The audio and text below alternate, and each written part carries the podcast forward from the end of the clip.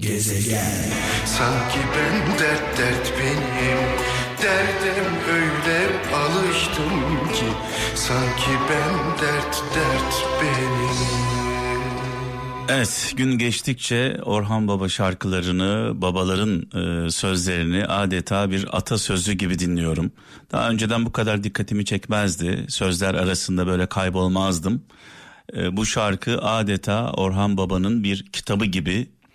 E, eğer hayatımızda bu sözleri uygulayabilsek hayatımızın yönü değişir sevgili kralcılar. Bu arada saat 17.29 29 dakikadır çay misali demlendik. Sevgili cambazımı uğurladım. Kaptan gelene kadar Kral FM'de, Mehmet'in gezegeninde, Mehmet'in dünyasında birlikteyiz. Orhan Baba ne güzel söyledi. Ben yokluğu yalnız bende sanırdım. Meğer ne yokluk çekenler varmış. Ee, insanlar tabii acıları çektiği e, zaman sıkıntı yaşadığında sanıyorlar ki en büyük dert o an yaşadığı sorun. Bugün sevgili e, kardeşim Melih'le, Melih'in sevgi çemberi, sevgili kardeşimle, yol arkadaşımla konuştum. E, dertleştik biraz. Oğlu, oğlu, evladı, yeğenimiz Emirhan dünya çapında bir başarı elde etti. Emirhan'ımız, kardeşimiz, yeğenimiz e, beyindeki tümörle ilgili e, sanal gözlük vasıtasıyla e, önceden e, tümörü tespit eden bir e, projesi var, bir buluşu var ve bu buluşuyla, bu projesiyle e, ödül aldı. İnanılmaz güzel bir ödül aldı. Bundan dolayı da gurur duyuyoruz. Melih'le konuşurken geçmişi andık. Geçmişte yaşadığımız sorunları konuştuk, problemleri konuştuk. İnsan problemleri yaşarken, sorunları yaşarken o anda sanki kıyameti yaşıyor gibi hissediyor. Sanki o an ölecekmiş gibi hissediyor. Yokluk var, çaresizlik var, acı var, sıkıntı var. Ama aradan yıllar geçiyor sevgili kralcılar. O yaşadığınız büyük problem sadece hayatınızın anlarından bir tanesi. Belki o yaşadığınız problem sizi güçlendiriyor. Sizi hayata hazırlıyor. Dolayısıyla yara izlerimizi, ruhumuzdaki yara izlerini sevelim. Onlara sımsıkı sarılalım. Çünkü bu yara izleri olmasa bu yaraları eğer almamış olsak, bu darbeleri almamış olsak biz asla biz olamayız.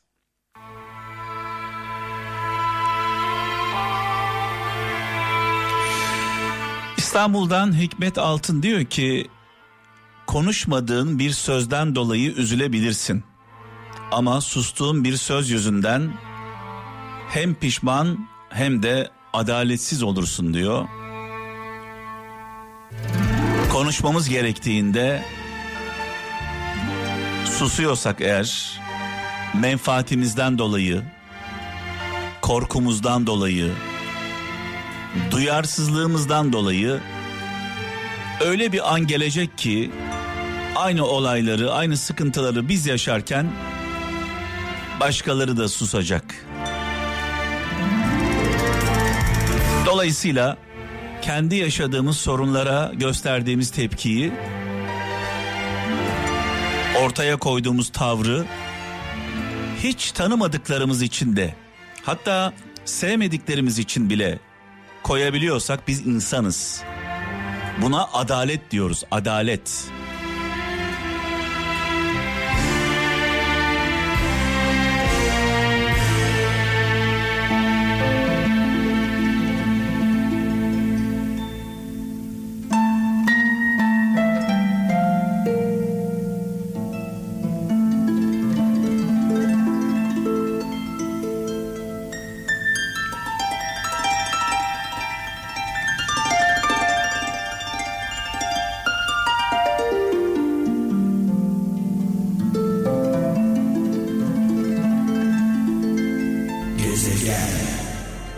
Dile kolay 62 yıl geçmiş e, aradan e, Adnan Menderes'i ve arkadaşlarını saygıyla, duayla, minnetle anıyoruz. Mekanları cennet olsun. Demokrasi şehitleri, şehitlerimiz. Yani düşünebiliyor musunuz sevgili kralcılar? Yüzde altmışlara varan, yüzde altmışlara varan bir oyla iktidara gelen bir e, lider, bir parti, bir darbe sonucunda e, devrilen bir iktidar. Tabii benim en çok kafama takılan şeylerden bir tanesi bunu Sayın Kılıçdaroğlu'na da sormuştum konu kaldığımda. Atatürk'ten sonra milli şef ünvanıyla Türkiye'nin ikinci adamı. Atatürk'ten sonra milli şef ünvanıyla kurtuluş mücadelemizin kahramanlarından İsmet İnönü. O zaman neden masaya yumruğunu koymadı? Neden bu vahşete, bu cinayete izin verdi? Bunu soruyorum kendi kendime. Sayın Kılıçdaroğlu'na da sormuştum bu soruyu programın konu kaldığımda. Ee, itiraz etti. Hatta mektup yazdı. Tepkisini ortaya koydu gibi ifadeler kullandı. Ben mektup yazmaktan cılız bir tepkiden bahsetmiyorum. Bakın tekrar altını çiziyorum. 27 ee, 27 Mayıs darbesinin sonuçlarının iki tane sorumlusu var bana göre. İki sorumlusu darbe yapanları bir kenara koyalım. Onlara söyleyecek bir şeyimiz yok. İki sorumlusu. Birinci sorumlu yüzde 60 civarında oy almış bir liderden bahsediyoruz. Yüzde 60'la rekor bir seviyede iktidara gelmiş bir liderden bahsediyoruz bu lidere, bu partiye oy verenler, milletimiz, dedelerimiz, babalarımız bir mantar tabancası bile patlamamış. Bırakın tepki koymayı, bir mantar tabancası bile patlamamış. Düşünebiliyor musunuz? Sandığa gitmişsiniz, oy vermişsiniz. İktidara gelmiş partiniz açık arayla yüzde altmış e, civarında ve bu partinin bu liderin taraftarları liderleri hapsediliyor. Bir de o dönemlerde böyle bugünkü gibi değil. Mahkemeler radyodan canlı yayınlanıyor. Mahkemeler radyodan canlı olarak yayınlanıyor. Bütün Türkiye radyolarının başında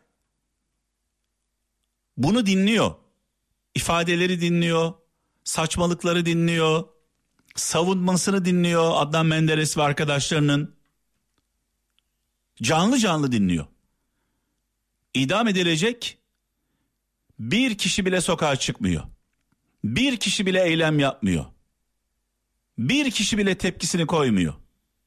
Herhalde en çok Adnan Menderes e, boynuna ilmik geçirildiğinde en çok kırıldığı gücendiği milletidir. Şöyle demiştir büyük bir ihtimalle. Benim milletim beni yalnız bırakmaz demiştir. Dolayısıyla o gün tepki koymayan dedelerimiz, babalarımız, annelerimiz, büyüklerimiz bu konuda birinci sorumludur. İkincisi az önce de söyledim. Milli şef ünvanıyla Türkiye'nin ikinci adamı. Atatürk'ten sonra gelen kişi. İsmet İnönü.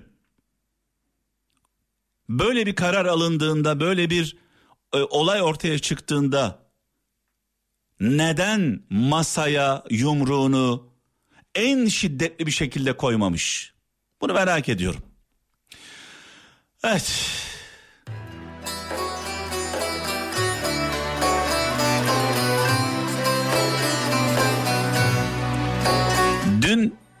Yaptıklarımızın ve yapamadıklarımızın hesabını bugün utanarak görüyoruz. Utanarak.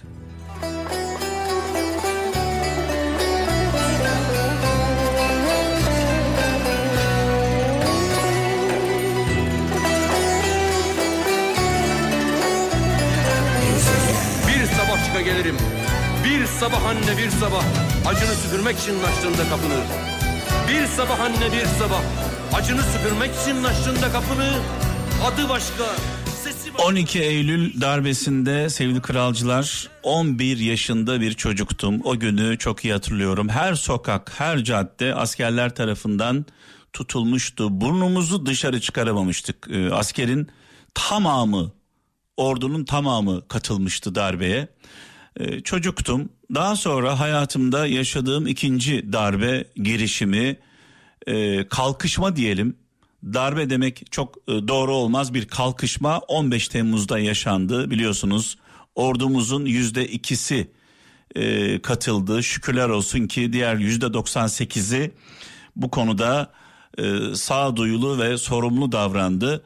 Eğer tamamı ordunun tamamı bu darbenin 15 Temmuz darbesinin içinde olsaydı burnumuzu dışarı çıkaramazdık. Burnumuzu dahi dışarı çıkaramazdık. Şükürler olsun ki e, bu kalkışmada ordunun sadece yüzde ikisi yüzde üçü e, böyle bir kalkışma yaptı. Tabii biz e, bu kalkışmanın ilk dakikalarında ilk saatlerinde ne olduğunu bilmiyorduk.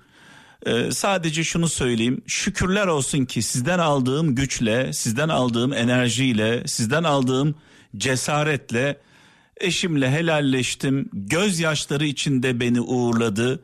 E, gitme dedi. Yayına doğru gidiyorum. Gitme dedi. Ben sadece şunu söyledim eşime. Eşim şahidimdir. E, dedim ki Didem sen böyle zamanlarda giden adamı sevdin dolayısıyla beni bırak dedim sen şu an güvendesin Allah'a şükür ve e, kalkışma söyleminin hemen ardından daha kimin kazanacağı belli olmadan ne olacağı belli olmadan bu söylemin bu açıklamanın hemen ardından mikrofonu açtık. Kralcılarımızla birlikte biz buradayız dedik. Biz ölmedik dedik. Sokaklara döküldük, caddelere döküldük. Dolayısıyla şükürler olsun ki Allah'ıma şükürler olsun ki 15 Temmuz'da kral ailesi olarak sınavı geçtik. Korkmadık, korkmadık. Bir şafaktan bir şafak bir akşamdan bir rüzgar eğil bu benimki sevda değil. O gece Kral Efem dinleyicileri şahidimizdir. Dönemin Başbakanı Binali Yıldırım bu bir kalkışma dedikten hemen sonra biz buradayız dedik. Daha Sayın Cumhurbaşkanımız sokağa davet etmemişti. Dinleyicilerimiz o geceyi hatırlasınlar. Bir an bile tereddüt etmedik Allah'a şükür.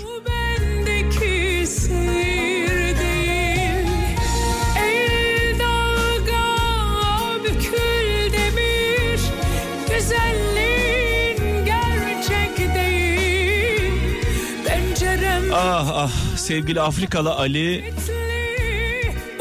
15 Temmuz Köprüsü'ndeydi, Boğaziçi Köprüsü'ndeydi. Sabaha kadar yayınlar yaptık. En son e, ekibi çağırdım. Haber merkezinde sevgili Mine kızı evde korku içinde. Sevgili Erdem, sevgili Kaan dedim gidin evinize gidin. Ne olur ne olmaz.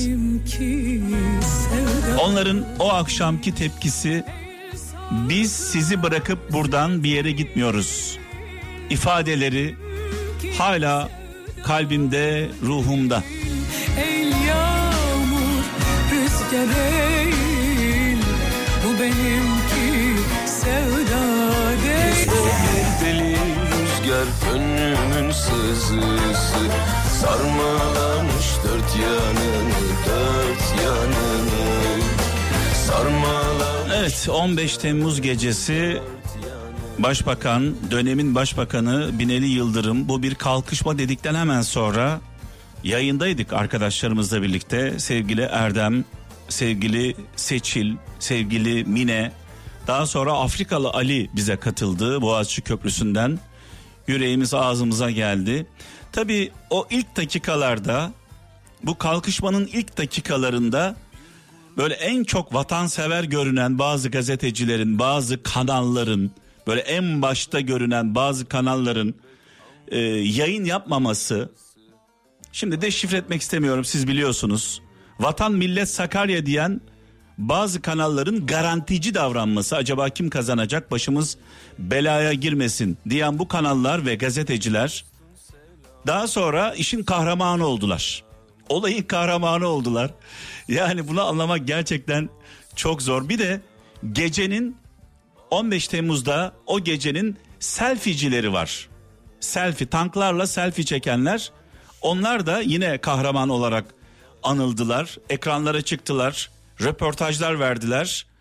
E, bu arkadaşların tek meziyeti e, tankların önünde selfie çekmekti. E, ben o gece de söyledim. E, askerliğimi yaptım. E, Acemi Birliği'mi Denizli'de, Usta Birliği'mi Ağrı'da yaptım. Komutan bir şey emrettiği zaman sadece emredersin komutanım dersin. Sadece o gece emre uyduğu için, talimatlara uyduğu için. Çünkü askerin, askerliğini yapanlar bilirler. Askerin bir şeyi sorgulama şansı yoktur. Komutan emreder, asker yapar. Sadece emre uyduğu için şu anda hala cezaevinde olanlar var. Mağdur olanlar var. Ben o gece de bunun altını çizmiştim. Daha sonra Sayın Cumhurbaşkanımızı konuk aldığımda bu konuyu detaylıca kendisine sormuştum. Mağdur olanlarla ilgili ee, en sonunda şöyle bir ifadesi olmuştu hatırlarsanız e, sevgili gezegen mağdur olanlar varsa arkasında ben varım demişti. Çünkü ondan önce e, bana mağdur edebiyatıyla gelmeyin bir e, gibi bir ifadesi vardı. Kimse hiçbir mağdur gidemiyordu. E, benim programımda ısrarla sordum. Sadece dershaneye çocuklarını gönderdikleri için, sadece bankaya para yatırdıkları için, sadece yardım kuruluşlarına yardım yaptıkları için, sadece emre itaat ettikleri için mağdur olanlar, e, mahkum olanlar var demiştim. E, o gün sözünü almıştık ama hala hala takip ediyoruz. Kanun hükmünde kararname ile e, görevden alınan daha sonra aklanan mahkeme kararıyla aklanan kişiler KHK'lılar diyoruz biz buna. Ya mahkeme demiş ki bunun bu kişiyi sen görevden almışsın ama bu adamın darbeyle marbeyle FETÖ'yle hiçbir alakası yok demiş. Kararı vermiş mahkeme vermiş bu kararı. Bu karara rağmen hala mağdur olan insanlar var. Ee, bundan dolayı da gerçekten üzgünüz. Bu mağduriyetler en çok FETÖ'ye yarıyor. En çok FETÖ'ye yarıyor. Tekrar altını çiziyorum. Ben askerliğimi yaptım. Asker sorgulamaz. Asker sadece emre itaat eder. Zaman zaman ekranlarda görüyorsunuzdur bir komutanla e, asker karşı karşıya geldiğinde askerin psikolojik halini görüyorsunuz. Sadece emre itaat ettiği için hiçbir suça karışmadığı halde şu anda cezaevinde olan gençlerimiz var, öğrencilerimiz var, kardeşlerimiz var. Tekrar söylüyorum bu mağduriyetler, bu mağduriyetler en çok nefret ettiğimiz FETÖ'nün işine yarıyor.